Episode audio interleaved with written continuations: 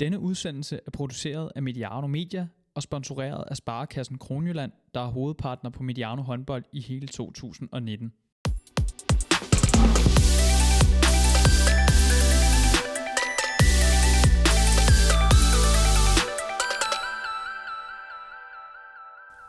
Du har trykket play på Mediano håndbold. Hvis du ikke allerede var klar over det, så er det en udsendelse om dansk kvindehåndbold, og som centrerer sig om landets bedste række, HTH-ligaen. I går aftes, mandag, der blev syvende runde færdigspillet, da Nykøbing og Silkeborg Vol krydsede klinger i en ægte nøglekamp, som Silkeborg altså vandt med 26-25. Mit navn er Johan Strange, og jeg kan byde varmt velkommen her i den overenskomstmæssige skoleferie, efterårsferien, og kan byde velkommen til gratis podcast her, fordi Sparkassen Kronjylland er med ombord som fast partner på programmet her. Dem har vi gået hånd i hånd med siden marts 2018, så til at starte med et stort tak til, til dem. Og øh, skoleferie, det kan jeg jo tillade mig at sige, fordi at jeg i dag er i selskab med to andre skolelærer, så vi faktisk er tre, tre skolelærer samlet. Det er dejligt. Så hermed er vi altså i gang med at introducere panelet. Velkommen til dig, Katrine Ohlendorf. Tak for det. Håndboldtræner og øh, tidligere sportschef, nu bestyrelsesmedlem i Roskilde Håndbold i landets næstbedste række for kvinder. God, god formiddag til dig. Pænt, tak for det. To point i, øh, i, i tre kampe, det vil, det vil OK sådan jeres, jeres startprogram taget i, i betragtning? Ja, helt klart. Helt klart. Øh, Rødovre, det var sådan en uh, need to win, øh, og der fik man sejren øh, på udebane, og det var, det var rigtig, rigtig fint. Øh, de to andre kampe, det, var, det havde været nice to win, men ikke, ikke sådan i vores... Øh, det var ikke nødvendigt Nej. på den måde. Det var Sønderjyske den ene Ja. af dem, og, og Ringkøbing i den Ja, anden. Ringkøbing anden, ja. Så det er også to... Jeg kommer faktisk fint ud af det i, mod Ringkøbing, øh, taber Ja. kun med fem, så det var, Ja. ja. det var rigtig fint. Så det er ikke noget, man, man stresser over på de kanter og lægge, lægge under stregen lige på, på nuværende. Ikke på nuværende tidspunkt, nej.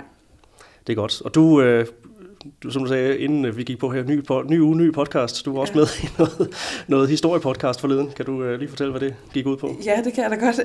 Jeg har en, en god kollega øh, her på Roskilde Gymnasium, som øh, har en historiepodcast, der hedder Historienørd, og øh, der havde han inviteret mig med, fordi jeg underviser i oldtidskundskab af alle fag, og øh, der snakkede vi lidt om computerspillet Assassin's Creed The Odyssey. Så ja, det er lidt noget lidt andet øh, i den her uge, men, øh, Ja. men ikke mindre sjovt, tænker jeg. Anbefaling hermed givet videre. Ja, Og øh, også velkommen til dig, Dennis Jensen, håndboldtræner med mange års erfaring fra blandt andet 1. division damer, og øh, så smider du om dig med, med nøje overvejede håndboldbetting tips.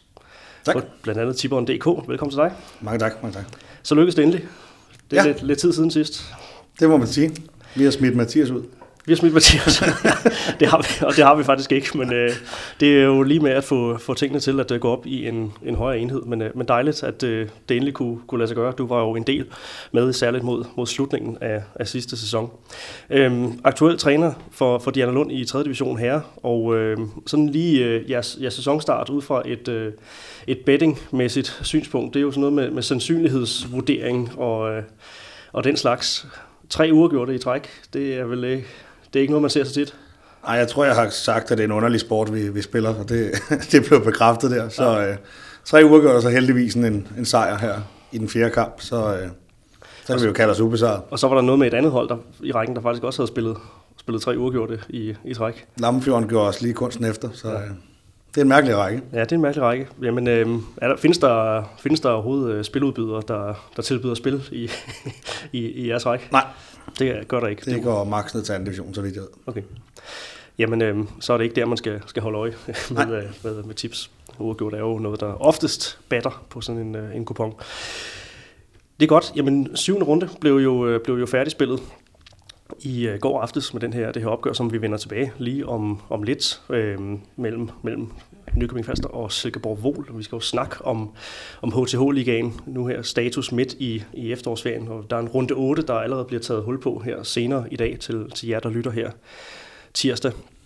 Hvad øh, er sådan lige de, de korte overskrifter fra, fra den seneste tid i HTH-ligaen? Hvad har, I, hvad har fanget jeres opmærksomhed? Øh, en del overraskelser, synes jeg, og nogle, øh, nogle bundhold, som ikke har skravet ret mange point sammen, så en tæt, øh, tæt bund. Øh, og så er det måske lidt overraskende suverænt Esbjerg-hold. Er det en opfattelse, du deler? Ja, det er det egentlig. Altså, jeg synes, øh, der er, som, som den her siger, en, en meget, meget tæt bund. Øh, og Jeg forventer faktisk også, at der kommer en ret tæt top, øh, fordi det virker ikke som om, at der er nogen hold, der er uslåelige. Øh, det så man måske også i, i Santander-koppen, at øh, der, der, kan man, der kan godt bide skære, øh, selv, med, selv med Esbjerg og, og selv med Odense. Og spænding, det er jo det er noget, vi er begejstret for. Det er jo dejligt, når tingene ikke altid lige går, som man, man forudser det. Så har vi noget at, at snakke om. Men den her syvende runde, den blev altså som nævnt rundet af i går aftes mellem Nykøbing og Silkeborg Vol. Og det er også den kamp, vi lægger ud med. Det er eneste tv-transmitteret kamp fra, fra runden, desværre. Mm. Øhm, men, øhm, men det er så den, vi, vi, øh, vi lægger ud med. Øh, det blev altså sejr på 26-25 til Silkeborg Vol efter en NFO-føring ved hele 16-11 ved, ved pausen. Øhm, Udover den, den altså rundet runden af, så, så hvad vigtigt er, så var det jo kampen, der faktisk fik ligaen til at knække over lige præcis på det her smertende punkt mellem 8. og 9. pladsen, så der faktisk er, er fire point op for, for Nykøbing og Ajax København for den sags skyld, op til, øh, op til 8. pladsen. Ja, jeg kan stille det samme spørgsmål, sådan lige overordnet set. Hvad fangede jeres opmærksomhed i, i kampen her i går aftes? Mange ting. Jeg synes, det var, øh, det, det var en underholdende kamp, og der var mange punkter, hvor man, øh, hvor man synes, det er der, den knækker, men jeg synes alt overskyggende, så, øh, så brænder Nykøbing, så vidt jeg tæller 11 fløjafslutninger. Øh, det, er, det, det er jo alt for mange, så egentlig bør man tabe større, end, end man gør. Øh, og så gode målmandspræstationer. Jeg synes faktisk, øh, Natasha Clausen har lidt svære arbejdsvilkår, men jeg synes faktisk, at alle keeperne, der kommer i spil, gør det, gør det rigtig, rigtig fornuftigt. Og det var jo en, en meget lige kamp indtil midtvejs i første halvleg, hvor holdene følges ad og, og bytter lidt, lidt mål, måske med Silkeborg lidt, lidt mere i tæten i, i perioder. Men, øh, men trækker altså fra og ender altså med at gå til pause med, med 16-11. Hvad, øh, hvad er det, der, der lykkes for Nykøbing i, i den periode her? Det er Greve.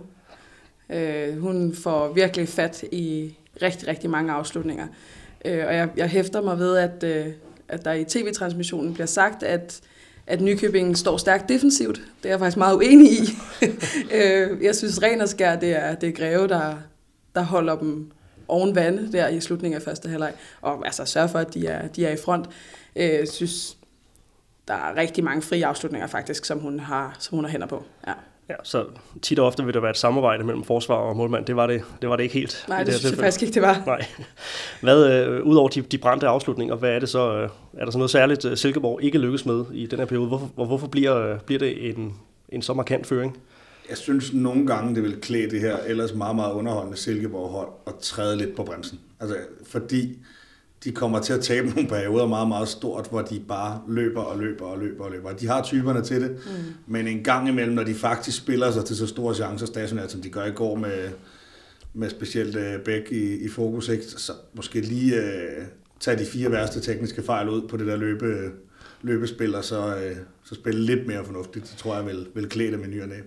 Ja, det var, det var faktisk noget, jeg også lagde mærke til i, øh, i, imod slutningen af kampen, der hvor at, at der, der er noget stillingskrig indtil, uh, indtil de sidste ja, 30 sekunder, hvor, mm. hvor Rikke, Rikke Iversen får, får, får scoret. Uh, der har de flere kontraer, som de, som de får afsluttet ret, ret hurtigt, men uh, sådan et, et DNA, det, det er vel ikke bare sådan lige at lave, lave om på.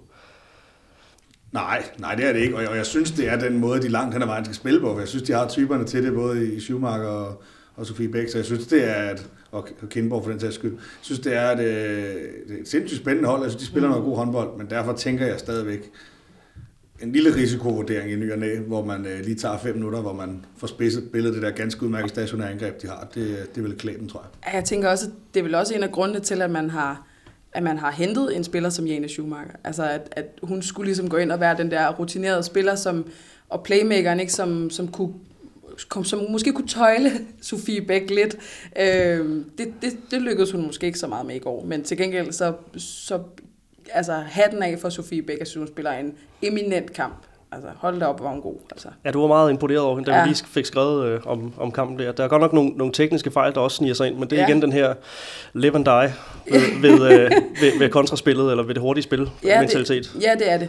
Det er det, og det er, det er en vurdering, ikke? Altså, også fra trænernes side, og man kan sige, i forhold til, at hun nogle gange har været enormt meget udskilt for alle de der tekniske fejl, hun laver, så synes jeg faktisk, at hun, hun går i plus i, i kampen i går. Øh, et ret stort plus endda. Øh, man skal... De skulle bare spille spillet med at få sat hende, altså mand-mand, isolere hende, øh, så lavede hun overtallet. Så lavede hun ja, så lavede hun rum til enten sig selv eller til andre. Det var noget, de, de dragede fordel af ved en del øh, afslutninger på, på yderside eller, eller ude omkring fløjen. Øh, noget, de især excellerede i i starten af, af anden halvleg, hvor, mm. hvor Silkeborg altså får, får fat igen. Øh, Nykøbing peger selv efter kampen på, at de ikke er klar, og, og det er også lidt en tendens, øh, de selv gerne vil i talsæt nu her, fordi de også har været foran i, i pausen nogle andre kampe, blandt andet mod, mod København og, og mod Viborg, men hvor, hvor det her forspring ret hurtigt faktisk er, er smuldret efter, efter pausen. Hvad er det, der, hvad er det, der sker i, i starten af, af den her anden halvleg? Jeg synes faktisk, de bliver overmatchet taktisk øh, i den periode. Det der klar, det bliver tit sådan et, øh, et dække over, at man ikke kan løse det, man bliver stillet overfor. Og jeg synes netop, at Silkeborg udnytter, at, øh, at Nykøbing har rigtig store problemer på højre fløj. Øh, ved at få det skubbet indad, og derfor tage en, øh, en lille smule højde på, på Dion øh, Højscher, mm. og, øh, og så stå flat på, på de andre og løse det. Øh, Amalie Wulf øh, får svære arbejdsbetingelser efter en flot første halvleg. Ja. Så øh, jeg synes faktisk, det er fordi, at de bliver slået taktisk øh, af Silkeborg den periode der. Ja, jeg er helt enig. Jeg er helt enig. Altså, øh, jeg bemærkede i hvert fald, at der var enormt meget af NFH-spil, som gik over midten, gik over midten, gik over midten, i nogle ret, sådan, i nogle ret store og ret tunge bevægelser. Øh, uden at der så for alvor kom et, et brud på ydersiden en gang imellem. Øh, Wolf kan det, øh, men det er som om, at de får pakket det og forstået det tættere i, i forsvaret. Øh, og ja, jeg er helt, helt enig. Det, det løser de simpelthen ikke. Og så lød det på, på de timeouts, man, man fik, øh, fik færden af, at, øh, at Jakob Andres var meget bevidst om, at, at fløjene godt måtte få nogle, nogle afslutninger, særligt øh, højre fløj. Og det var, det var vel også en, en hovedpine for, for Nykøbing, omvendt øh, en, en god ting for, for Silkeborg, at, at de lykkes med at få de afslutninger, de, de gerne vil have. Ja, så får hun, altså Pernille Johansen får jo en meget, meget start derude, og øh, skal have ros for at lave to mål i anden ja, men, men, øh, men skulle måske også have været taget ud en lille smule før. Jeg ved godt, Sofie Olsen ikke er på top, men, øh, men nogle gange kan det også være en ulempe at rende videre derinde, når man, når man sender tre øh, afsted, som ikke er i nærheden af at gå i mål. Men, men generelt synes jeg jo, at, at Nykøbings problem er, at de to bedste angrebsspillere og kontraspillere lige nu er deres to dårligste forspillere øh, med, med Vestberg og så videre ude og Valen på halv kraft, så skal Christina Christiansen og, og Højse ligge og dække op en hel masse, øh, og, og det bliver et problem for dem øh, i forhold til, at det er de to, der ligger det største tryk angrebsmæssigt. Christina Christiansen måtte gerne ligge et større ja, øh, og skyde lidt mere, men, øh, men det er det store problem for dem lige nu, synes jeg. Vi kan lige vende tilbage til, øh, til de udfordringer her. Det er også noget, vi har, har aftalt her at, øh, at, at få, få snakket om. Øh, men hvis vi lige tager slutfasen øh, øh, i kampen og får, øh, får sat lidt, lidt ord på den. Nykøbing får igen noget, øh, noget overtag, øh, og, øh, og, og holder sig altså foran med de her 1-2 mål hele tiden, lige ind til, til slut. Hvorfor, hvorfor kan Nykøbing ikke holde, holde fast? Altså, udefra set så ud, om der gik nerver i den. Øh, god gamle, god gamle nerver. Øh, og, og så er det jo, i sådan nogle kampe der, der er det nogle gange bare tilfældigheder, der, der afgør det. Øh, og hvem er det, der lige har, hvem er det, der lige har øh, coolness, og hvem er det, der lige har den der vilje til, at nu vil jeg fandme score det mål, undskyld mit fransk. Ikke? Øh, det er også noget, det Rikke Iversen hun giver udtryk for i interviewet efterfølgende. Ikke? Altså hun, hun var faktisk også nervøs, da hun skulle skyde det der sidste skud, eller det, der viser sig at blive det sidste mål, der bliver scoret. Øh, men hun sagde, nej, nu må jeg fandme putte den ind. Øh, og den der, den der vinder mentalitet. Øh, det er faktisk også noget, det Amalie Wulf hun bliver konfronteret med i interviewet efterfølgende. Har I fået en taberkultur? Og det kan hun faktisk ikke svare sådan helt, sådan helt 100% afvisende på. Det håber hun ikke, at de har, siger hun, men, øh, men hun kan nok ikke helt afvise, at det, at det er lidt af det spor, de er kommet på. Den eneste, der ligner en, der tør afgøre det, det er jo Dione på højre bakken, og hende går de så højt på, så det ja. bliver ude fra, fra 11-12 meter, hun skal prøve, ikke? Øh, prøver nogle febrilske skud med arm på og sådan nogle ting, men, men altså, Christina Christiansen ligger og spiller ind under 3 meteren i de sidste tre angreb, og Nolsø går lidt på nogle halve, og Amalie Wulf prøver der, men, men hende har de fået styr på mm. på det mm. tidspunkt der. Så, så jeg synes, der mangler noget for Christina Christiansen. Der må man gerne forvente noget mere, når, når de der kampe skal afgøres. Men, men det er jo, jeg synes, det skinner igennem, at det er et hold, der mangler lidt selvtillid lige nu, mm. og lidt tro på tingene, som, øh, som begynder at tvivle i de der afgørende. Og er det simpelthen bare den helt simple øh, psykologiske forklaring på, på det her med, at det er et hold, der, der ikke har tur i den, kontra et hold, der, der har noget mere tur i den. Ja, så er det også et tegn på, at det er altså tre bagspillere, der spiller hele kampen. Ja. Altså, Valen afløser en lille smule, Mathilde Schäfer afløser en lille smule, men, men det er jo de tre, der slås, og de spiller altså specielt Amalie Wulf noget bold, der kræver nogle kræfter. Ja, præcis. og det samme med Dione et eller andet sted. Øhm, så, øh, så jeg tænker også, det har noget med kræfter at gøre, men, men det er også det, det, det ligner en lille smule baglæns, fordi man mangler noget selvtid at tro på tingene. Ja, så pegede Jakob Larsen også efter kampen selv på, på det her med, at øh, Lagerqvist, Lagerqvist øh, får, får en, en tvungen pause på et tidspunkt, hvor de, de er nødt til at gå, gå bort fra noget, noget 7 6 spil. Mm. Så der, der er nogle ressourcer helt klart, der, der kommer i spil. Øhm, jeg tænker også omkring det, det, det sidste angreb, øh, det, er jo, det er jo smart spillet af, af, af Sofie Bæk til, øh, til, til Rikke Jursen, men øh, jeg, jeg kan ikke, som, som, som træner sidder jeg også og tænker, er det, ikke, er det ikke en situation, man gerne vil have, vil have undgået? Altså, der var en, en venstrefløj, der lå med, med, med 50 procent i afslutninger for, for Silkeborg på det tidspunkt. Øh, ja, er det, er det ikke også måske der, hvor man godt kunne tænke sig, at måske det bare havde været et langskud fra, fra en af, af de, de der bagspillere, som jo ikke har så meget højde på sig? Hvad, hvad tænker I om, om den sekvens? Og jeg tænker, jeg vil have Kindborg eller øh, en venstrefløj til at afgøre det. Jeg vil ikke have Sofie Bæk, som ikke har sat, jeg ved godt, hun laver på tekniske fejl, ja, ja. men hun har også øh, med i 25 mål, tror jeg. Ja. Øh, hvis man tæller øh, sidst til sidst og det hele med, ja. så, øh, så er det en, der ligger og vinder alle de der dueller der. Så, øh, så har jeg været lidt mere aggressiv på hende, og så synes jeg jo også, at Nykøbing fejler lidt på ikke at spille 7 mod 6 de sidste par angreb, fordi de netop har så svært ved at lave mål. Øh, så, øh, så, så der er mange ting, der sådan peger på, at man bliver... Øh, man bliver lidt, øh, jeg havde et eller andet stykke kliché, men lidt bange for at vinde, mm. øh, og, og, og trækker lidt i bremsen, fordi der mangler noget, noget tro på tingene. Og så et, et rigtig træls spørgsmål her, men jeg kan ikke lade være alligevel. Er det, øh, havde uafgjort måske i virkeligheden været, været rimeligt efter sådan en, en kamp her?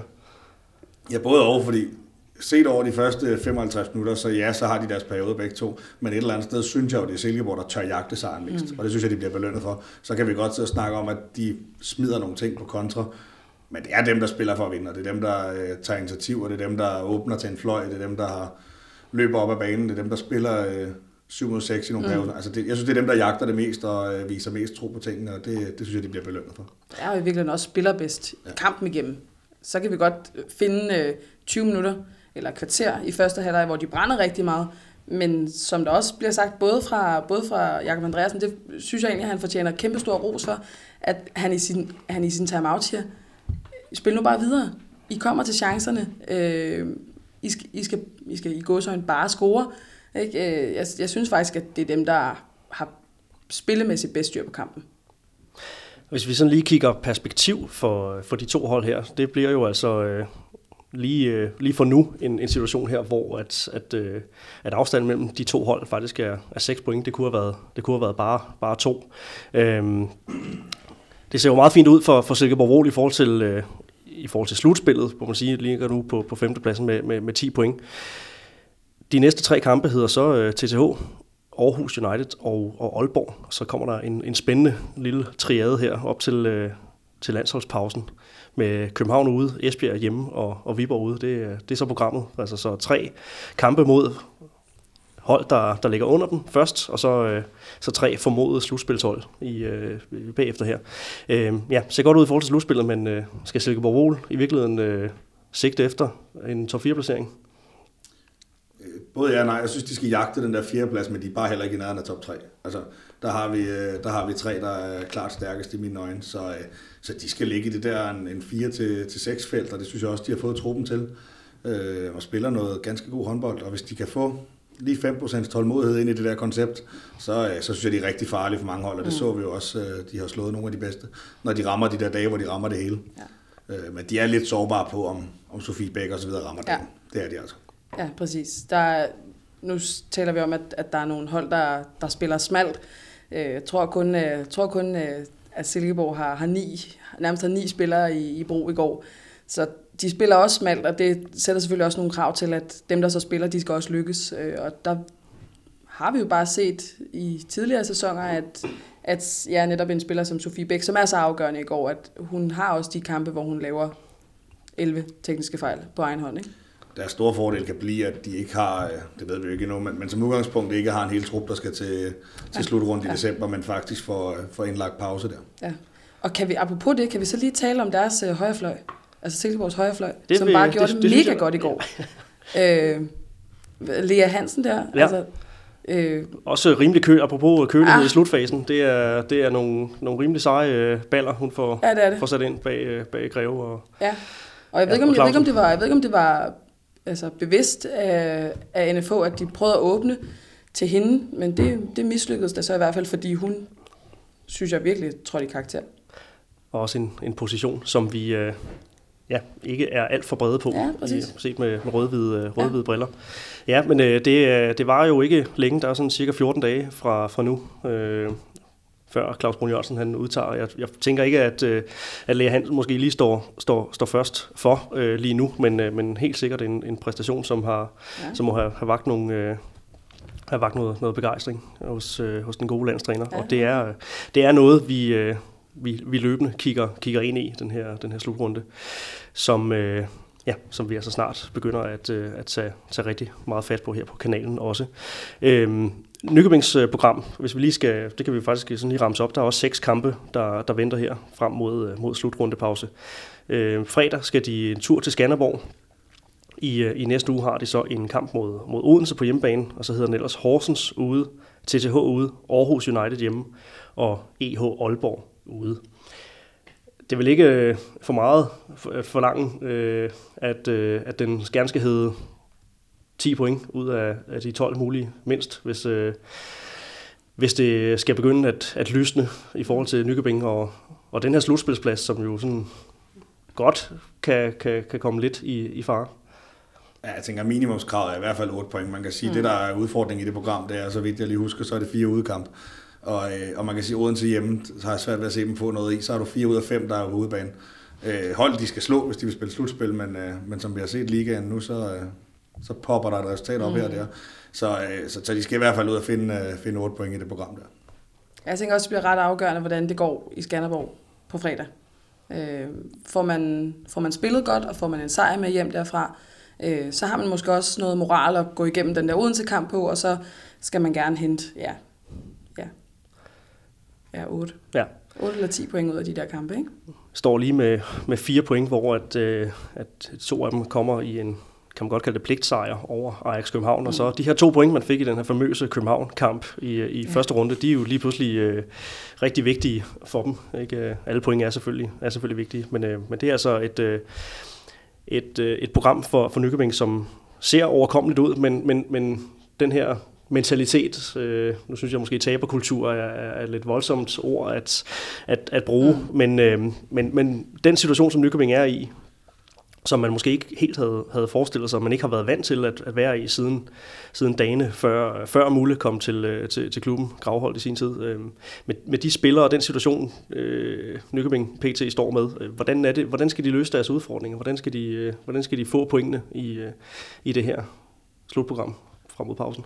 Ja, de skal håbe, at Valen kan byde mere og mere ind angrebsmæssigt, fordi ellers så er de godt nok smalle og har problemer. Altså, med al respekt, og jeg synes, hun har gjort det rigtig fint, så er Amalie Wulf jo er ikke en spiller, der skal spille 55 minutter i ligaen. Altså, øh, det, det, er en spiller, der er hentet til for at aflaste og for at udvikle sig. Og det er hun bare ikke lige nu. Lige nu okser hun på, ikke? Øhm, så, så de skal håbe på at få noget bedring på nogle af de her skader. Og så skal deres profiler træde noget mere karakter. Altså, Lærke Nolsø må ikke ligge og brænde seks afslutninger. Så er det fint at blive topscorer, men, men må ikke ligge og brænde så meget. Altså, landsholdsfløj og... Øh, Christina Christiansen skal tage noget, øh, medmindre hun har rigtig ondt i armen, så skal hun skulle skyde mm. noget mere. Øh, Jeg synes, at målmænd gør det fint, og det har de gjort de kampe, jeg har set.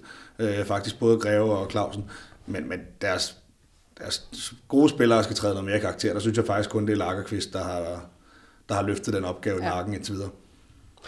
Og så, så snakker du om det her med, at det er fire udkampe øh, og, og kun to hjemmekampe, men et eller andet sted, så tænker jeg også, øh, det store Fort Nykøbing dernede, øh, intense Fort Nykøbing, det, det ligner øh, et, ikke et sted, som holdene frygter at komme og spille, øh, spille hos lige, lige pt, selvom at det, det er en hjemmebane, som de er, er glade for, det her intense publikum her. Øh, de kommer jo så også med ud på, på udebaneturene, Ja, må det søren. så, så de, kan jo godt, de kan jo godt få den følelse andre steder end, end i Nykøbing, men, øh, men ja, vel ikke et sted holdene frygter at spille lige, lige for tiden. Nej, jeg tror, det er et hold glæderne, eller så holdene glæder sig til at spille. Der er mange mennesker, og det er sjovt at spille, og så har man der også chance for at få to point med hjem. Men, men der må vi så også sende ros derned til. Nu, Jeg var dernede og se Viborg-kampen, og, øh, og så den der fjernsynet i går. Der er jo fulde huse Ja. og gule trøjer, og der, der er ikke forsvundet mange mennesker på de svigtende resultater. Øh, Og det samme gælder udkampene, så det, det må vi da sende en, en meget, meget stor ros efter. Mm. Ja, jeg kom i halen klokken, klokken 19.20 i går aftes og måtte, måtte stå op hele vejen et sted, hvor der var lidt begrænset udsyn i, i, i perioder, fordi man også har nogle, nogle perioder, hvor, hvor alle skal stå op, ja. som, øh, som de jo har for vane at, at gøre dernede. Så øh, ja, bestemt en, øh, en kamp, der, der også trak, trak opmærksomhed, og det vil de jo nok fortsat, øh, fortsat gøre. Men øh, det, var, det var ordene om, øh, om Nykøbing Silkeborg, altså en, øh, en træls situation for Nykøbing. Fire point for, for de første syv kampe, og øh, man kan håbe for deres vedkommende, at de får skravet, skravet de nødvendige point sammen i den, øh, den næste periode her, og, og Silkeborg, der altså ligger, ligger rigtig fint til. Så kan vi tage kampene i, i lidt mere kronologisk yeah. rækkefølge, så nu skal vi øh, nogle dage tilbage. Vi skal faktisk, øh, faktisk otte dage tilbage, for det var, det var altså mandag aften, at, at Odense tog hul på, på den her syvende runde slår Skanderborg sikkert, men, øh, men det som nogen måske vil, vil mene ikke er helt stort nok. 31-26, altså også en kamp, hvor de, de formår at spille rigtig bredt i. Øhm, ja, en, en pligtsejr til, øh, til Odense, men, øh, men så er der vel ikke sådan de helt store øh, ord at sætte på, på sådan en kamp, eller, eller hvordan? Mm, nej, altså jeg tænker, det der er med, det der er med sådan et hold som, som Skanderborg, det synes jeg også, nu vi taler om DNA i håndboldhold, jeg synes også, der ligger sådan et DNA i Skanderborg-holdet, at man giver sgu ikke op. Øhm, så øh, og det virker lidt som om, man er lidt ligeglad med, hvem man spiller imod. At alle hold er håndboldhold, man skal spille imod. Øhm, så altså et, et fint resultat, og jeg tænker, et, et resultat, som, som Skanderborg kan bruge til en hel masse, at man kan være med mod Odense, øh, og kun tabe med fem, det, det tænker jeg, der er klart at til, til, de, til amatørernes, øh, til amatørernes øh, ros. Altså, øh. Ja, det var også en kamp, der lå, øh, lå inden et dobbeltopgør. Altså Odense fik faktisk spillet tre, tre håndboldkampe i, i sidste uge, spiller fredag og lørdag mod, mod Slavia Prag i, i EHF-koppen. Øhm, ja. ja, med hensyn til Skanderborg, nu så jeg den der kontraudsendelse med, med mm. Sissel Meilvang. Altså, det siger jo lidt det hele, at, at hun i sammensætning understreger, hvor meget hun glæder sig til at møde øh, Groda Hackmann og, der, og samtidig få flettet ind men, men vi går sådan så også for at vinde. Så, så det, jeg tror, det er sådan en rigtig god blanding af, at de glæder sig til at møde de her hold, men tror samtidig på, at de kan gå ind og slå dem. Og det, det kan man sgu komme langt med. Øh, og så kan vi jo håbe på, at Pytlik han hører Mediano, fordi at vi har jo råbt og skrevet hele sidste år på, at manden fik skiftet lidt ud. Så, øh, så jeg tror, det er rigtig fornuftigt at spille bredt, og så tror jeg, det er bedre at slå Skanderborg med 5 end med 12. Mm. Og så have, have trup til, til hele vejen hjem. Og det er også en kamp, hvor, hvor alle andre markspillere end Camilla, Camilla Larsen får, øh, får sat, sat streger på, på holdkortet, så det er jo... Øh, det er jo et godt bevis på, at man i hvert fald har fået brugt en, en masse spillere. Men for Odenses vedkommende skal vi jo kigge, kigge lidt længere fremad end, øh, end, end lige sådan en kamp her. Øhm, ja, de vinder, vinder umiddelbart de kampe, de skal, men øh, det er jo stadigvæk en, en klub, der, der tørster efter nogle titler. Nu har de kvalificeret sig til Santander Final Four. Øhm, jeg kunne godt tænke mig, at hvis du igen snakker lidt om den her betydning, som den her turnering kan få for, for, for Odenses vedkommende. Ja, hvad vil det, hvad vil det få af betydning, hvis de, hvis de får, får løst potentialet og, og vinder den her titel? Stor betydning, tror jeg, frem mod et slutspil. Jeg tror, det vil fjerne der vil altid være pres på, at de skal blive dansk mester, og de skal blive dansk mester med den trup, de har sammen. Ja. Men, men det vil fjerne lige toppen af det pres, der er ved at få den titel ind. Øh, fordi den der klub, den, øh, som du selv siger, den tørster rigtig, rigtig meget. Øh, så, så, det skal de have, og de skal vinde begge dele. Øh, vi kan snakke om, at Esbjerg er gode, vi kan snakke om Herning er gode, men, men med den trup, de har tilsat Grote og Hackmann i år, så skal de vinde. Der er ikke så meget at komme efter. Øh, de har så den ulempe, som vi snakker om kontra før. De har hele deres trup afsted i december.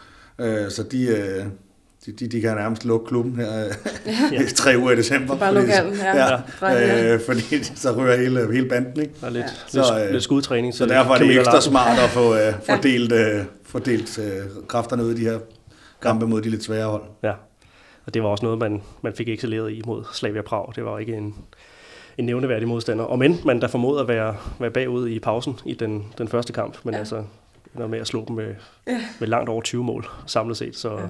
så det var en, en pligtsejr. EHF-kom, er det, er det noget, vi skal holde øje med moden til håndbold der? Hvor, hvor meget kigger de i retning af, af den turnering, tænker I? Jeg tror personligt, at målet for Odense, det er at blive danske mester, så de kan komme ud og spille Champions League næste år. Jeg tror, de var jævnt skuffet over ikke at komme ud og spille Champions League. Jeg tror også, de havde håbet på det der wildcard.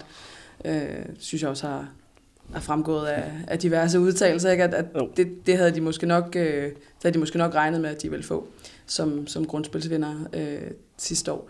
Så jeg, jeg tror egentlig, der, EHF Cupen skal nok bruges til at tanke noget erfaring på det her med, som hold, som det hold vi er nu, at være skulle på udebaner ude i Europa, og, øh, og så tage erfaring med derfra. Så tænker man også, at man sådan med, med god ret sådan kan, kan gå efter en sejr i EHF Cupen. Jeg tror, det bliver meget truppens sådan, øh, tilstand, der kommer til at afgøre det. Ja. Der er ingen tvivl om, at dansk mesterskab står over alt andet, og så ja. kommer EUF og pokalturneringen derefter. Så, så det tror jeg bliver lidt med, hvordan er skader, hvordan er øh, minut-countet på hver enkelt spiller ja. og sådan nogle ting, kigger de på om... Øh, altså, der er ingen tvivl om, hvad der er nummer et. Det er at blive dansk mester og komme ud og spille Champions League. Ja, jeg tænker med den trup, man, man endte sæsonen med i, i sidste ja. sæson, at øh, man godt kunne have været, om end det var en, en, en flot bedrift at slå København i den tilstand, man var i, så kunne nok godt have været de der gør-kampe foruden. Øh, de, vil nok, de vil nok sige noget andet i forhold til, øh, til erfaringen, men øh, ja, det, det kunne godt have, have kostet nogle, nogle kræfter i sidste ende.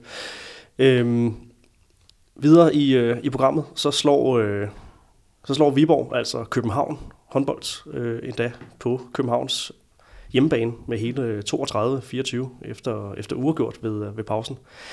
Og det er altså en, øh, en sejr, der sender Viborg i, øh, i top 4. Det var altså en, en nærmest direkte kamp om at bide sig, bide sig ja. fast på den her, den, den her, du kalder den, den sikre top 3, Dennis. Øhm, ja, nu har vi godt nok sat lidt ord på, på Silkeborg også, og hvad de skal sigte efter, men, øh, men var, det, øh, var det top 4, man, øh, man satte sig, satte sig på ved, ved den her sejr? Var det, var det et statement, man, øh, man sendte? Ja, det var vel igen et statement om, om det der 4 til 6, 7 mm. stykker, at, at man er et sikkert slutspilshold som, øh, som har fået sammensat en fin trup, og det er godt nok noget overrasket over, man vinder med, vinder med 8 i København, ja. men, øh, men det var da et, øh, et rigtig, rigtig fint statement at få sendt, øh, sendt afsted. Ja, den er, jeg tænker også, at den har også sådan, øh, sådan en god psykologisk pondus, øh, både på den positive konto for Viborg, men også for den, på den negative konto for København. Øh, ja, jeg, jeg, jeg tænker, at, at det må være sådan en, der, der, der, der slår lidt i København. Ja, vi har blandt andet stående i notaterne her, mm. som vi også har, har fået. Øh, ja, hvad, hvad, er det, hvad er det for et sted, øh, København bliver, bliver efterladt med det resultat her? PT en, en 8. plads faktisk ja. efter de her syv runder. Jamen, jeg synes, der tegner sig lidt et mønster, at øh, de har det lidt svært med, med anden halvleg. Øh, det var også billedet i, øh, i kampen nede i Tus Messingen der i, i weekenden, at, at man man er, man er egentlig fint med, men så taber man ret stort i løbet af anden halvleg, og det er jo også billedet i, i Viborg-kampen, ikke? som du siger, lige til pausen, og så i løbet af anden halvleg. Øh, og måske har det noget at gøre med, at man altså rigtig, rigtig meget ligger på, på Mirai skuldre. Ja, altså det, øh, hun er jo blevet anerkendt for hendes, øh, ja. hendes sæsonstart her, og også blevet kåret til, til, ja. til månedens spiller for, for september, og fortsætter jo egentlig med at, at, at, at dominere. Øhm, mm. Men øh, det lidt søgte spørgsmål er jo, du er inde på det her, ja. bliver, det, bliver det lidt for, for indimensionelt for, for København håndbold? Jeg tror nærmest, de eneste to placeringer, nu var jeg inde og kigge på de der... Øh, point, de, de optjener i, i løbet af sådan en kamp. Ikke? Og de, det er selvfølgelig ikke det hele billede, det ved jeg godt, men men jeg tror, at nogle, nærmest de eneste positioner, hvor man går sådan klart i plus, det er på Mirai, og så er det på, på Lindblom inde på stregen. Øh, det, er de, det er de to, der ligger og er topscorer, og som har, har plus i bogen. Altså, øh, højre bakken der, Maria Hjertner der, hun ligger med 4 på 12, øh, og går ja. praktisk talt i 0. Det er, det er noget op og ned med hende. Vi ja. roste, roste hende i sidste udsendelse for at være, være kommet i gang, men, øh, men det lader til, at det, det, der, der skal lige findes noget stabilitet ja. der. Anna Christensen står med, med 47 procent i, i den her kamp. Det er jo altså også en, en afgørende faktor. Øhm, I øvrigt en, en rigtig fin duel med to teenage ja. over for hinanden. Det er jo den situation, København er, er havnet i, og har, ja. altså ikke, har altså ikke hentet en, en rutineret keeper endnu. Øhm, ja, Anna Christensen, hun er, hun er jo, øh, hun gør sig godt bemærket, og også øh, bedste, bedste målmands, øh, eller bedste procenter i, mm. i ligaen, også hvis vi, hvis vi kigger på, på statistikkerne her. Ja. Hvad, hvor rangerer hun lige nu i det danske målvogterhierarki? Hun rangerer højt, synes jeg. Ja. Jeg synes, jeg, hun har gjort, siden jeg så til et U18-VM, at hun var med som U16. Altså, jeg synes, hun er helt vildt spændende. Ja. Altså, hun har noget, noget, noget dræberinstinkt over sig på sin helt egen måde, og jeg synes, øh, Øh, kæmpe, kæmpe målmandstalent, som, øh, som, som kan komme helt i top, synes jeg. Mm. Øh, så så jeg, jeg håber, man holder et, et vågent øje med hende og har hende med. Øh, og, og Ja, om man skal med til slutrundt, det, er- det er altid spørgsmålet. Øh, nogle gange har jeg jo været lidt efter Claus Brun for at få dem taget lidt for tidligt med nogle af spillerne. Øh, så øh, men, men hun skal da i hvert fald være med og lære, og øh, er der helt klart en af fremtidens målmænd på, på det danske landshold. Øh, og jeg synes jo, at springe en lille smule tilbage til København, jeg synes, jeg synes også, de skal kigge efter, om ikke de kan finde noget målmand. Altså, Milling er et kæmpe talent, mm. men, men øh, det har også noget at gøre med, at man nogle gange taber nogle anden halvleg, at, at man Der bliver med respekt, mere eller mindre Ja. kun har én målmand. Ja. Øh, der, det har aldrig været planen, at, at hun skulle stå der med, med det, hun står med. Så, så øh, jeg tror også, de har den store kikkert fremme i København på, om, om de kan finde målmand. Det er, det er ikke så længe siden, de havde øh, Sando og Bunsen Ja. og, og Milling. Over Milling, ja. så øh, der er sket lidt der. Ja. Så øh, må ikke de kigger øh, både rundt på pensioneret og måske på, på rækken under, eller øh, på talentsiden øh, efter, hvad der kunne være at, supplere op med. Ja, men det, men det, de har brug for, det er en, rutin, det er en rutineret. De har ikke brug for, for endnu en, der skal stå Nej. i lære. Det, det tænker jeg ikke. Øh, Det er også det der med, at, at målmand er bare en mentalt helt vildt svær position. Øh, Så hvis, man, hvis der først bliver skudt hul, ikke, og, man, og man så kun er, hvad er Milling 20, ikke? Altså, så, så er det dale med også svært. Altså. Øh, Det er jo også den situation, som, øh, som Gox herre startede sæsonen i, ikke? Ja. og man kan se, hvor meget det har gjort for ham, øh, Halgrimsson, mm. at, øh, at Søren Hågen er, er kommet tilbage. Det er jo ikke nok med, at det har givet, givet bedre procenter, fordi at, at Hågen står, men, men når Halgrimsson så spiller, så, så er der også lidt mere ro på, fordi han faktisk har den, den støtte siddende ude på, på bænken, og det er jo, det er jo den situation, man, man mangler lige nu i, i København. Helt klart. Ja, Ingen og, tvivl og, om det. og det synes jeg jo også i virkeligheden bare gør det endnu mere imponerende, at Anna Christensen, hun så præsterer, som hun gør. Fordi hun har jo ikke, altså det var noget andet, hvis hun havde, øh, hvis hun havde Susanne Munk Vilbæk siddende som Ja. sin makker, ikke? Altså, øh, det ja. ved jeg godt, det er sådan, det er lidt en, en anachronisme, det kan ikke rigtig Mm. lade sig gøre, men, men, men eller hvis Rikke Poulsen stadigvæk havde været i Viborg, øh, så havde det været en helt anden situation, at man sagde, åh okay, flot, at hun går ind og, og står et kvarter her, hvor hun står med rigtig høje procenter, men hun står altså hele kampe, hun er, hun er den, der har, hun er den, der har modtaget flest skud imod sig, og har alligevel den højeste procent. Øh, så det synes jeg virkelig er imponerende. Og jeg vil også sige, øh, jeg, jeg bemærkede hende øh, til, til det DM, der blev holdt nede i Ringsted, hvor hun var U16-spiller, og går ind og er kampafgørende på U18-holdet i Skanderborg. Det var, det var delt med imponerende. Første års 16 faktisk, Ja, så, ja, så vidt ja. jeg husker på det tidspunkt. Ja, ja ikke, ja, intet Ja. mindre, ja. Så øhm, du er jo inde på det, Dennis, at, øh, at, at der, er jo, der er jo en tendens til, at vi, vi godt kan lide at sluse spillere tidligt ind her, men, øh, men det er vel næsten, øh, det er vel næsten fristende at, øh, at kigge Anna Christensens vej. Kunne han øh, finde på det? Til, øh, Det, til- det kunne han til helt december? sikkert finde på. Ja. Ja. Øh, med, med nogle af de andre eksempler, vi har set øh, med, med spillere, der rører meget, meget hurtigt ind i nogle alder, så, så er jeg ingen tvivl om, at han godt kunne finde på det. Øh, jeg tænker ikke, der er nogen tvivl om, at Sandra Toft skal med, og så, øh, så ligger der nok en pulje der omkring, hvor, øh, hvor hun nok er med i overvejelserne. Hvor Althea Reinhardt jo plejer at være, mm. være det, det andet bud. Men øh, ja, Rikke Poulsen står også godt nede i Esbjerg, Ja, gør og hun. Milling gør det også godt og har været med ind omkring. Og Anna Christensen, altså det er ikke, det er ikke på målmandspositionen, at vi er, at vi er dårligst kørende i hvert fald. det skal blive, øh, det skal blive spændende at, mm. at følge med i. Men altså øh, en, en sejr, der sender Viborg på en, på en aktuel fjerdeplads i, øh, i, i rækken, og det er vel også noget, som de, øh, de, de tillader sig at, at, at stile efter at holde. Det kunne være, det kunne være godt for dem at få, få det her point med over. Så det er et race, der er, er skudt i gang. Ja, og i, og i modsætning til København, så hvis man kigger på, hvor, hvor kommer scoringerne fra på Viborg, men så er det, det er fordelt. Det er fordelt faktisk over alle pladser. Så de spiller enormt bredt, både hvad angår spillere, men også når de er på banen. Ikke? Det, der kan komme, de er farlige mange steder. Ja, der er mange, der, der, der byder sig til, selvom, der. selvom vi har rost Christine Jørgensen for at være, være bannerfører øh, og, og tage rigtig meget ansvar, så, så er der altså mange spillere, og vi ved jo alle sammen, hvad Line Havsted kan, når hun, mm. øh, når hun rammer sit, sit topniveau. Så, så Viborg helt sikkert stadigvæk rigtig spændende at, at holde øje med. Vi skal kigge mod, øh, mod Team Esbjerg, som altså pligtsejr i midtugen over, over Horsens, og øh, det var altså en kamp, der, hvor Esbjerg havde, hvis der var der Polman tilbage med, med syv scoringer, øhm, og de har altså også spillet Champions League igen her i, i weekenden, en sejr over, over polske Lublin, øh, efter at have været, været bagud ved, ved pause, men, øh, men, men der viser man en rigtig stærk mentalitet og kommer, mm. kommer igen. Jeg har i notaterne stået øh, et spørgsmål, der hedder, hvor mange point står Esbjerg med, når efteråret er færdigspillet? Altså maksimum point nu her for syv kampe, lige over halvvejs i, i efterårsprogrammet. Øhm, og det er altså Viborg på udebane her onsdag aften. Så venter der kampe mod Randers, Ajax og Herning Ikast. Så på hjemmebane Silkeborg Vol ude, og, øh, og så Skanderborg hjemme. Så en, øh, en blandet landhandel. Hvor mange, øh, hvor mange point tør I, øh, tør I spå Esbjerg til? Øh, med Polman alle sammen, tror jeg. Fuldt hus. Øh, og jeg tror, hvis de taber, så tror jeg faktisk, det er Silkeborg. Øh, fordi så er det, fordi Silkeborg rammer en af de her dage, hvor, øh, hvor det hele sidder lige skabet på, på hjemmebane og, øh, og laver en masse mål. Så øh, jeg tror, at de er så driftsikre lige nu, så, øh, så hvis jeg skal se nogen, der slår dem, selvfølgelig kan de tage til Herning ikast, det vil være vanvittigt at sidde og sige andet. Øh, men, men hvis jeg skulle... Øh, hvis de skulle mødes i morgen, og jeg skulle sige, hvem der vandt, og Polman var med, jamen, så ville jeg tage Team Esbjerg. Og selvom det hedder Viborg ude, Ja, Katrine? ja, lidt mere loren på den der. Altså, øh, for at gøre ting lidt interessant, så, kan, så vil jeg gerne øh, sige, at, at de, de smider et enkelt eller to point. Øh, og det kan, øh, som Dennis øh, siger, det kan være i Silkeborg, men jeg synes også godt, det kan være i Viborg.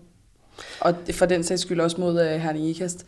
Der, øh, der ligger jo der ligger et eller andet pokaldrama og, og spørger i, i psykologien måske. Og der er jo også øh, en, en faktor her, der hedder, hedder skader. Vi har selv snakket, øh, snakket smal trup. Øh, Polman ganske vist tilbage, men, men vi må se, hvor mange, øh, hvor mange minutter der er. Man vil nok gerne øh, passe på hende, især når, når Annette Jensen, altså, som vi har, vi har talt om før, øh, desværre er ude med, med, med korsbånd. Og med de her øh, europæiske kampe, der, der kommer ind, det, det kan vel godt risikere at, øh, at, at, at sidde lidt. Så, øh, men jeg har jo også... Øh, vi har snakket om, om det her det vil være et billede, som vi vil, vi vil, vi vil se. Altså, det bliver sådan en kontrolleret Esbjerg-sejr. Altså, det er jo, man snakker meget om for, forskel på top og bund, men, men det, er jo, det er jo ikke kæmpe sejre. Heller ikke Odense over Skanderborg. Øh, sådan relativt sikker, men, men ikke kæmpe sejr for Esbjerg over Horsens her. Vil det, være, vil det være billedet, vi ser i de her kampe mod ja, for eksempel øh, Ajax og, og Skanderborg? Øh, sådan nogle lidt mere stille og rolige sejre. Det tror jeg, og det var det, vi øh, roste Jesper Jensen en, en 7 gange fra sidste år, med, øh, med at fordele øh, ressourcerne ud og få, øh, få alle mand i spil, og det bliver jo bare endnu vigtigere nu, hvor der er, hvor der er Champions League-kampe. Så, øh, så jeg tror, at, øh, at vi vil se, at Esbjerg hold, der vinder de kampe, de, de skal, men ikke øh, med hverken 12, 15 eller 17 mål, fordi det, øh, det, det har han ikke behov for.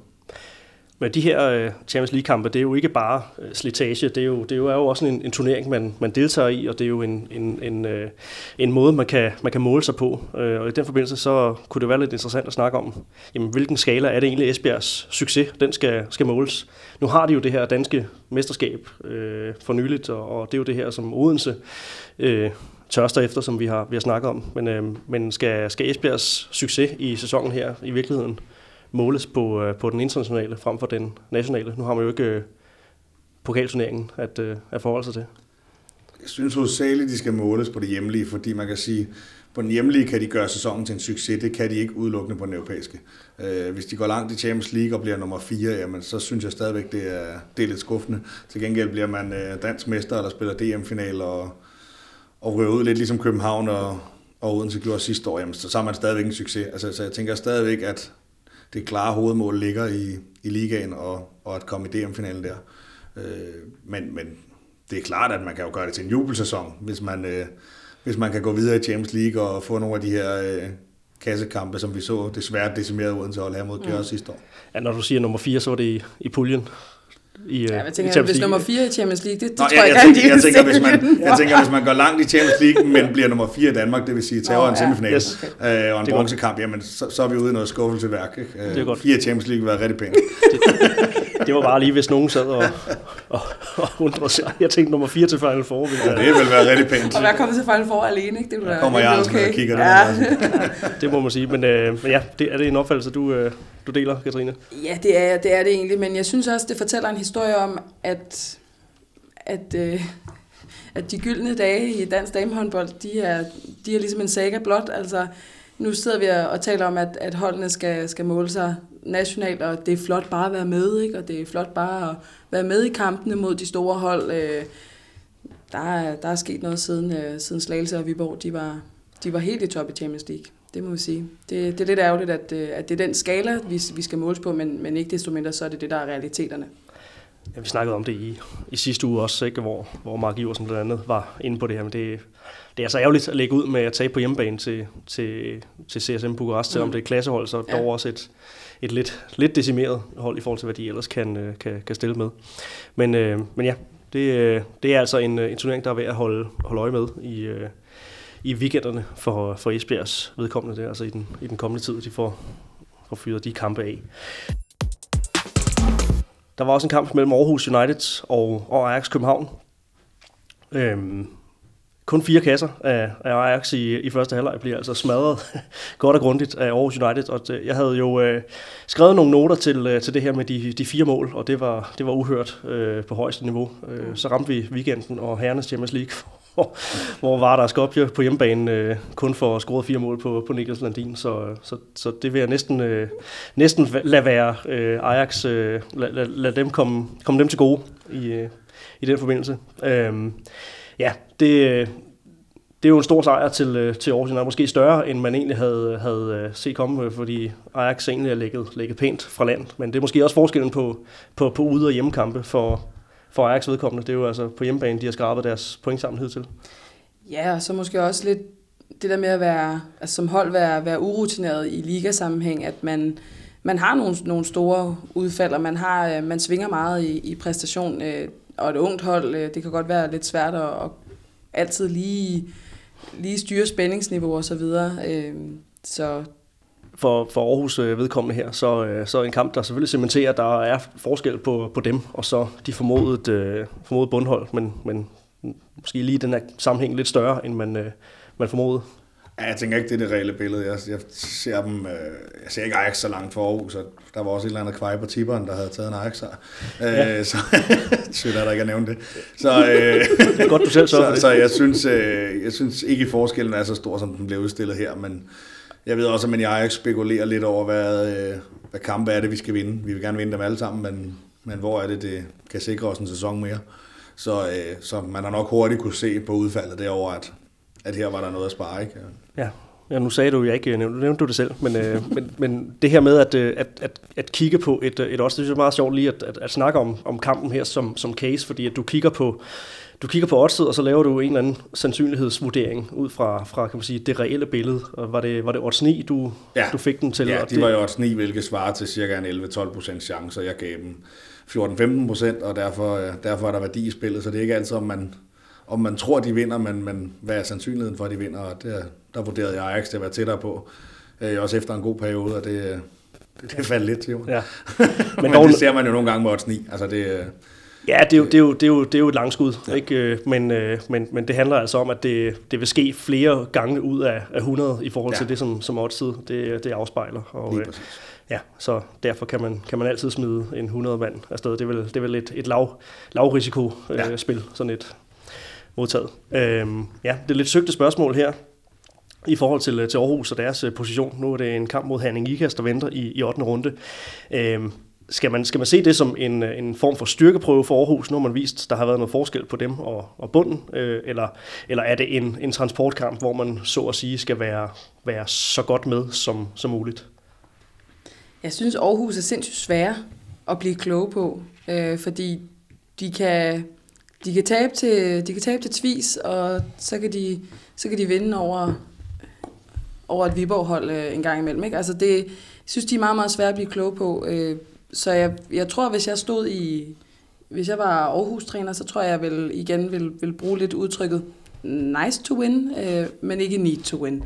Øh, og være fint tilfreds, hvis man, hvis man kan følge med øh, Herning Ikast.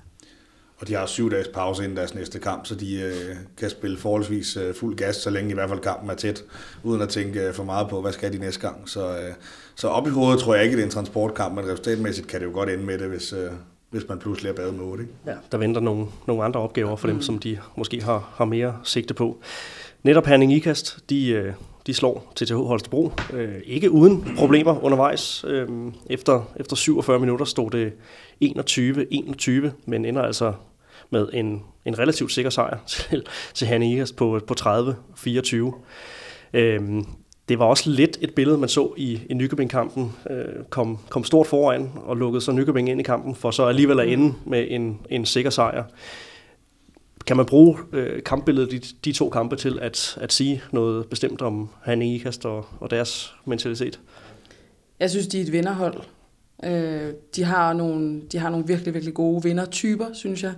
Øh, og, og jeg synes, det er kendetegnet for et vinderhold, at man har så meget kontrol over en kamp, at man ligesom kan, kan kigge hinanden i øjnene og sige, nu, nu strammer vi lige skruen, og nu får vi lige kørt den her i land. Øh, så det, det synes jeg er, er sådan det mentale billede på, på Herning Ikas lige nu. Og så måske lidt et billede på, at Herning Ikast øh, start 7 måske plus en enkelt eller to er vanvittigt stærke. Ja. Og så er der et stykke ned til, når, når vi begynder at skifte ud. Så altså, det kan på den lange bane være en farlig taktik, men, øh, men, men de er jo ikke rigtig nærheden af at tabe de her kampe. Så, øh, så jeg tror igen, vi er ude i noget med at få brugt truppen og, øh, og leve lidt mere med nogle, nogle perioder af problemer, fordi man har så meget tiltro til, til de bedste i truppen, ja. at, at der er så meget kvalitet lige nu interessant, den her snak om, om vinderkultur, som du er inde på. Det var også noget, vi berørte i forbindelse mm. med, med Nykøbing tidligere. Så nu har det jo skiftet navn, og det er jo selvfølgelig en, en anden type trup, end da, da Veronika Christiansen var, var på sit allerbedste. Nyke Groth har, har spillet der, og så videre der. Men, men de spillere, som de render rundt med øh, nu, er jo ikke nødvendigvis langt fra, fra, fra den hylde. Men, men hvor meget har sådan kulturen at sige i den uh, forbindelse? Uh, nu hedder det ikke Midtjylland mere, men, men det er mm. trods alt stadig langt hen ad vejen samme uh, setup og samme hjemmebane, mm. og Mathias Madsen har været med i, i, i noget tid også her. Ja. Hvad, ja, hvor meget har det at sige? Jamen, der er jo rigtig god kontinuitet i, i klubben, også selvom man hedder noget andet, øh, og har skiftet logo og så videre. Yes. Øh, the Unicorn. The Unicorns, ja, ja men det er fantastisk. Øh, så, så er der en rigtig god kontinuitet, og så synes jeg ikke mindst, at noget af det, som, som jeg kan savne i andre klubber, det er, at, at man, har, øh, man har en fødekæde, som er helt enormt stærk, som man har allerede man har allerede fra U17, der har man jo en, en vinderkultur øh, nedefra, ikke? Så man, som man ligesom fodrer den her, øh, flag, det her flagskib med. Øh, så, så ja, det, det tænker jeg, at, at man har en, en rigtig, rigtig solid vinderkultur, øh, også på ungdomssiden. Det synes jeg er, et ret spændende perspektiv. Og på seniorsiden, der, der hæfter jeg mig igen ved det her med, at det er norske spillere, der, ja. der, der bærer det, og ja. Øh, de, øh, de er jo gjort af noget, noget særligt. Øh, vi var også inde på en sidst, men Jeanette Christiansen, otte mål igen i en kamp her, er altså, altså med til at, at afgøre tingene for, for Hanning Ikast, altså en af ligaens mest formstærke bagspillere. Er det virkelig hende, der kan blive, blive forskel på, på medaljens karat, eller medalje ikke medalje, når, når tingene skal, skal afgøres? Ja, det tror jeg, hun kan, fordi hun tager noget fokus fra, fra nogle af de andre rigtig, rigtig dygtige bagspillere, der render op, øh, og gør, at man ikke på samme måde kan, kan lukke Eva Fri, som en ballers render rundt ud på fløjen ned, fordi man er nødt til at virkelig lægge noget energi og stoppe de her bagspillere, så øh, meget, meget, meget stærk sæsonstart. Øh, nu var jeg ved at sige Veronica.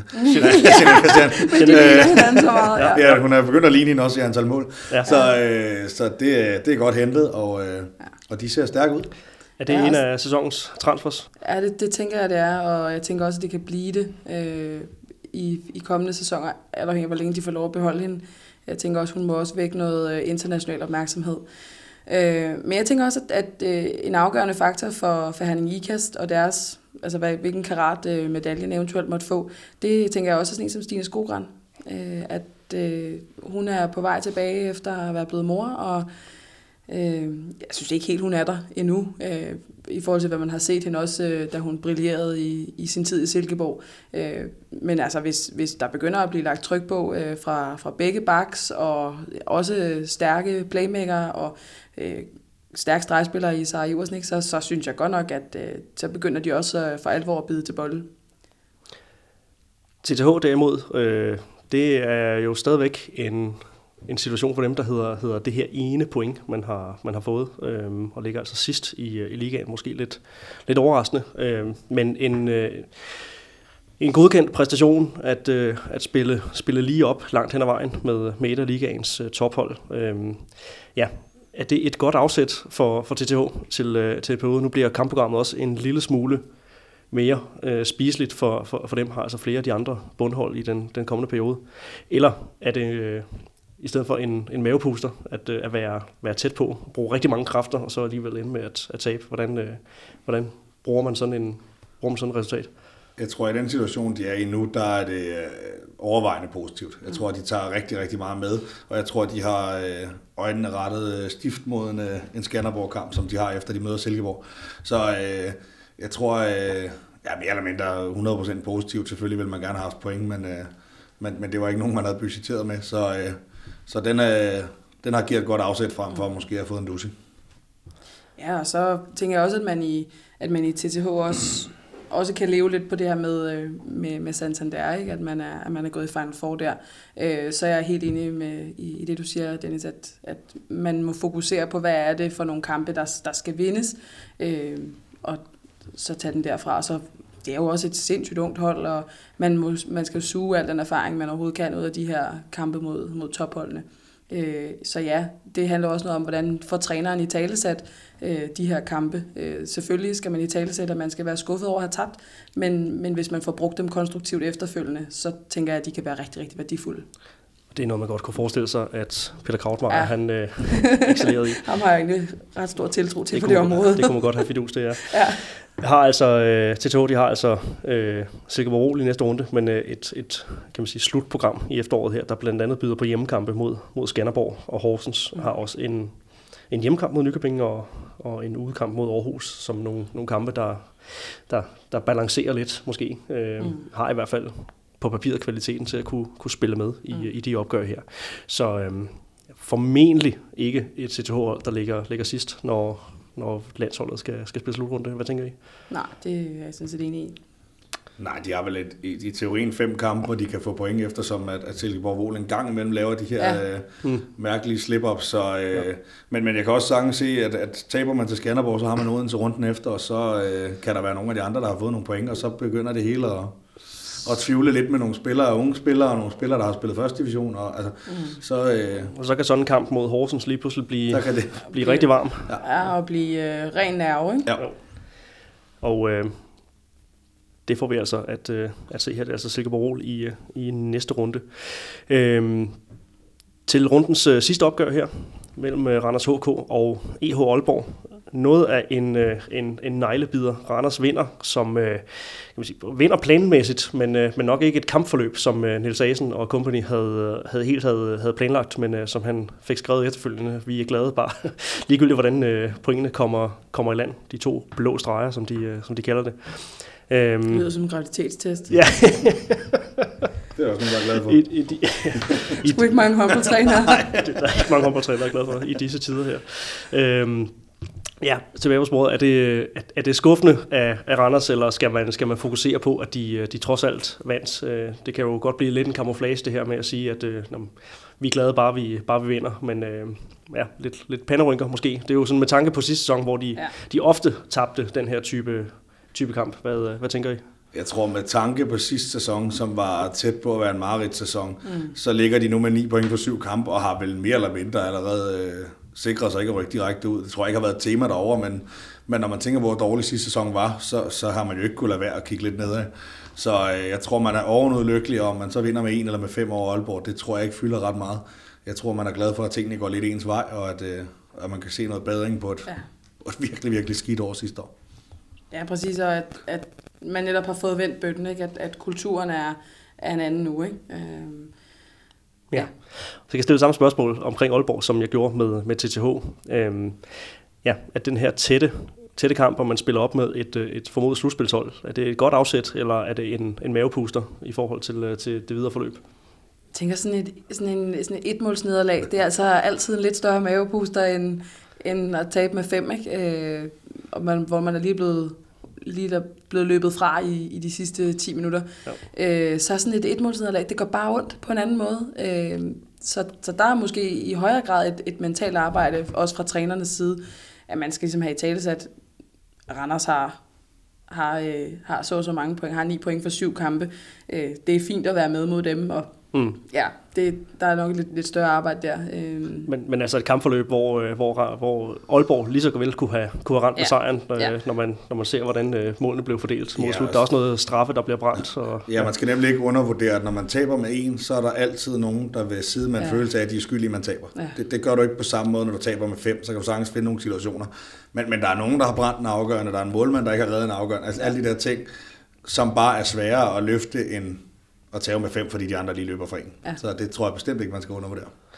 Aalborg ligger altså med, øh, med, med tre point og øh, har et, øh, et program i den, øh, den kommende tid, hvor man blandt andet skal møde øh, Ajax på, øh, på udebane, men øh, også har Skanderborg på hjemmebane. Men ellers så er der nogle kampe mod, mod Herning Ikast, Silkeborg Vol, øh, ude, Odense ude, øh, Nykøbing også. Ikke? Så, så ikke det, det nemmeste program for, for Aalborg her i den, øh, den kommende tid. Er det øh, nogen nogle af dem, der skal kigge sig gevaldigt over skulderen? Jamen, det, det tror jeg helt sikkert, og jeg har, øh, vi er tidligt ude, men, men jeg har Aalborg til at blive sorte pære til sidst. Øh, fordi at øh, Horsens har folk, der kommer tilbage fra skader og bliver stærke efter jul. Øh, så, så jeg tror bestemt, at de skal tage alle chancer, de har her inden jul, for at få hentet nogle point. Øh, så, øh, så henter man ikke det store inden jul, så er jeg bekymret på Aalborgs vegne. Ja, der skal gerne, øh, skal gerne fire point mere på kontoen, øh, sådan realistisk set, ikke? i forhold til det kampprogram, de har. Så, så skal det være, være fire point øh, Ja. på den her side af jul. Godt, jamen det er jo en, øh, en rap, som man kalder det, på, øh, på runde 7. Og nu kommer jeg lige til at tænke på det. Vi har en rap liggende ved siden af mig her, som jeg skal have spist. Det er blevet spredt lidt ud over bordet, men Ja. øh, ja ikke overraskende. Øh, ja, vi har en, øh, en runde 8, som, øh, som vi tager hul på allerede her tirsdag aften, øh, tirsdag her, hvor vi, vi optager, optager podcasten. Herning Ikast møder Aarhus United, Randers HK tager imod København håndbold, Horsens tager imod Odense, Viborg spiller hjemme mod Esbjerg, Silkeborg Vol har TTH, Skanderborg, Nykøbing og Ajax København. i Aalborg runder, runder altså runde 8 af. Hvad har I jeres øjne mest rettet mod i den, øh, den kommende uge her? Det kan godt være, fordi jeg sådan er, øh, er, er østboer, øh, men jeg synes, det er ret spændende med, med København. Øh, København i Randers.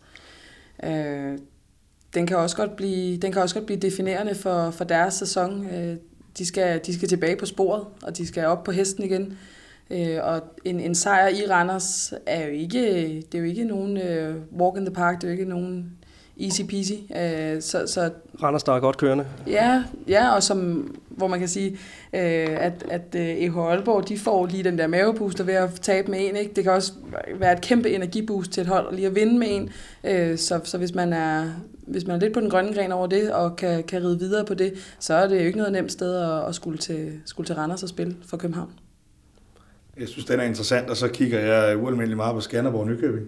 For øh, skulle vi lege København vinder over Randers, og Nykøbing taber til Skanderborg, jamen øh, så, så er der fem points hul der fra, fra 8. til 9. pladsen, så øh, jeg synes, øh, det, det, er en, det er en stor test for den Nykøbing hold lige nu, som prøver at få samlet tingene. Og er den lige pludselig tæt over i Skanderborg, jamen så snakker vi igen næver, og vi snakker smalt trup, og hvor meget kan være len, og alle de der ting. Øh, så øh, der er nogen, der skal til at stemple ind på det der Nykøbing hold, for ellers så lige pludselig så er hullet stort, inden vi går til julepause. Så Randers, København og, og Skanderborg. Nykøbing jeg hæfter mig også ved en, øh, en kamp øh, onsdag aften mellem, mellem Viborg HK Ja. og, og Team Esbjerg, Ja, som jo det er rent topbrag. Det er nemlig et, øh, et topbrag, og øh, så vidt jeg ved, er det ikke en, en tv-transmitteret kamp, desværre. Øh, så øh, man må lige følge, følge Ja. med i den. Øh, ja, det var noget, vi snakkede lidt om, da ja. Ja. mikrofonen var, var slukket. Det, det er lidt ærgerligt, at, øh, at det ikke er, er højeste prioritet lige nu. Der er også noget Speedway, man, man får set nogle onsdag aftener og Ja. så videre der. øh, Hvis man, er, hvis man er til det, så er det jo, så er det jo dejligt. Ja, jeg synes jo heller ikke, vi skal glemme, øh, øh, hvad hedder den, øh, Aalborg, øh, Aalborg Ajax. Øh, det bliver jo også enormt definerende for, for bunden, ikke? Ajax øh, som, som hjemmehold er, men, øh, ja. Ja. men helt klart en, øh, en spændende. Nu går Siri i gang, det var ikke meningen her. Okay. Ajax, øh, Ajax Aalborg, som altså øh, runder, runder, Jeg kunne desværre ikke finde Ejse blandt dine kontakter. runder runden af. Okay, Siri, beklager til, øh, til lytterne, men, øh, men, men Siri insisterer altså på at blande sig.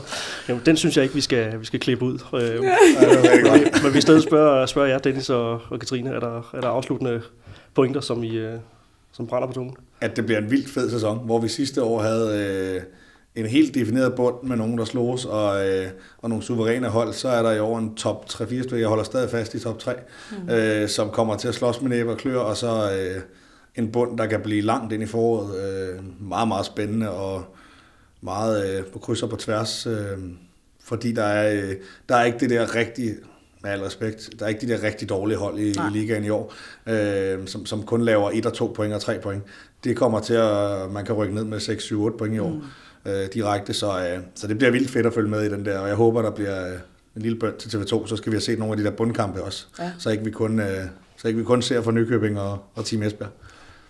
Ja, så tænker jeg så måske også et, øh, et, et internationalt perspektiv på, på den her meget, meget lige række. Ikke? Altså vi, vi har nogle gange uh, talt lidt om det, at, at det er ærgerligt, at, at vi i Danmark måske ikke længere kan kalde os uh, verdens bedste liga eller verdens stærkeste liga, men jeg vil gerne lægge ud på bloggen og sige, at vi er nok den mest lige liga uh, i, i verden og i Europa. Så det er jo det, der gør, at det er fedt at blive ja. med at, at snakke om. Katrine Ohlendorf og Dennis Jensen, tusind tak, fordi I uh, var med. Håber, vi uh, får lejlighed til at uh, indtage Roskilde Gymnasium en anden gang. Tak for, Gerne. tak for mødelokalet, Katrine. Ja, selv tak. Og uh, tak til dig, Dennis, også. Selv tak. Og hermed er vi altså nået til vejs ende, hvor jeg her på fælderevet igen vil nævne Sparkassen Kronlands navn. Hvis man synes, det er et navn, man hører ofte, og øh, synes, det nærmer sig reklame, så er det altså Bare fordi, at det er lige præcis på grund af Sparkassen Kronland, at vi kan sidde her uge efter uge og analysere på både herre- og kvindeligaen, lave specials og snakke om vores landshold. Uden Sparkassen Kronland, så var der ingen Mediano håndbold. Så den største tak skal så som altid gå til dig, kære lytter. Det er for jeres skyld, at vi laver det her, og kan selvfølgelig kun lade sig gøre og give mening, fordi du bliver ved med at trykke play. Så det skal I ikke være i tvivl om, at vi også er rigtig glade for. Så med, med disse ord, tusind tak, fordi I lyttede med. Mit navn er Johan Strange. Vi høres ved ganske snart.